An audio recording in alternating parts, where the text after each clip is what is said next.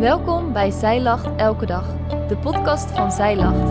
Mijn naam is Femke.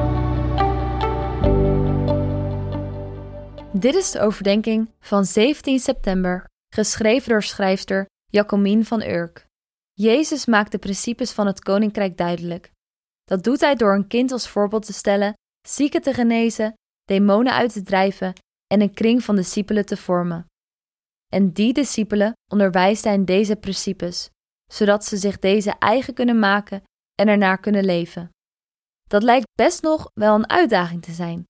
Een uitdaging waar zout aan te pas moet komen.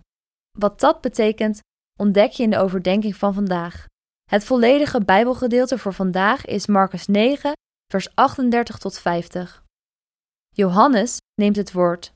Hij wijst Jezus erop dat er mensen zijn die de demonen uitdrijven in de naam van Jezus, zonder dat ze volgelingen van hem zijn.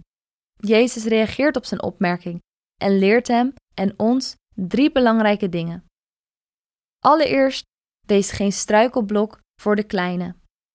Hiervan kunnen we lezen in Marcus 9, vers 42. En wie een van deze kleine, die in mij geloven, doen struikelen, het zou beter voor hen zijn dat er een molensteen om zijn hals gedaan en hij in de zee geworpen werd. Jezus noemt het woord struikelen.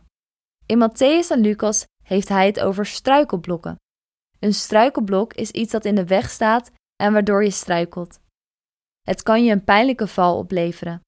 Jezus vergelijkt mensen die kleine in het geloof bekritiseren of verbieden om goed te doen in Jezus' naam met struikelblokken. Dat is nogal scherp. Hij maakt hier heel duidelijk dat het niet aan ons is om voor de rechter te spelen. Of eigenlijk juist de kleine die in zijn naam geloven, zal hij belonen. Wat kun jij ervan leren? Hoe ga jij om met pasgelovigen? Ten tweede is het de zonde moet er met wortel en al uit. Jezus gaat verder met zijn onderwijzing en noemt in vers 43 en 48 drie zintuigen. Hij gebruikt deze zintuigen als beeld van de zonde.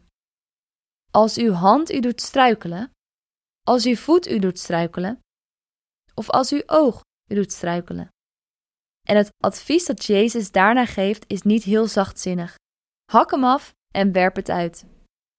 Wat wil Jezus ons leren met dit onderwijs? Bedoelt hij dan echt dat we onze hand en voet eraf moeten hakken? Dat zal nog wat zijn.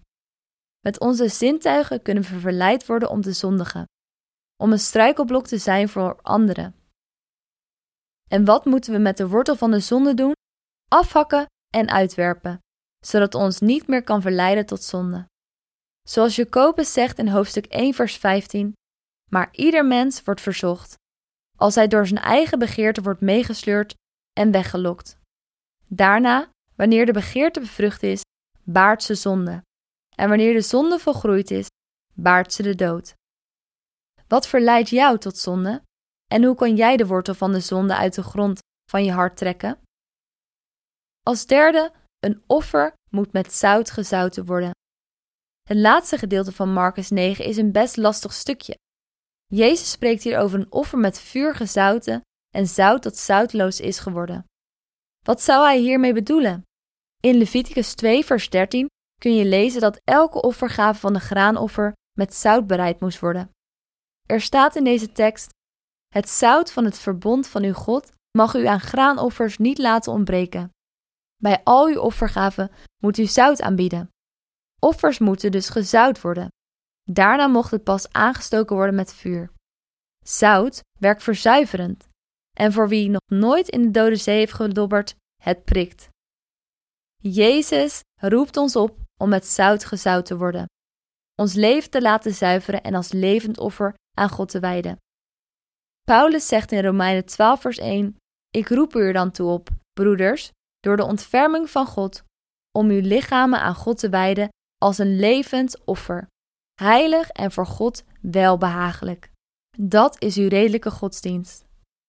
God gaf de Israëlieten voorschriften voor hun offers, en zo geeft Hij ons vandaag voorschriften voor ons leven.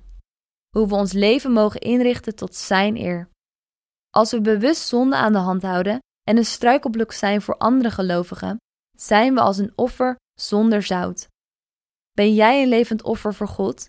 En is jouw leven met zout gezouten?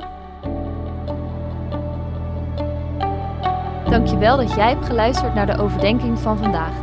Wil je de overdenking nalezen? Check dan onze website. Je vindt er ook meer toffe dingen die jou helpen om de Bijbel vaker te openen, zoals boeken, Bijbels, cursussen en evenementen. Morgen ben ik weer bij je terug met een nieuwe overdenking. Tot dan!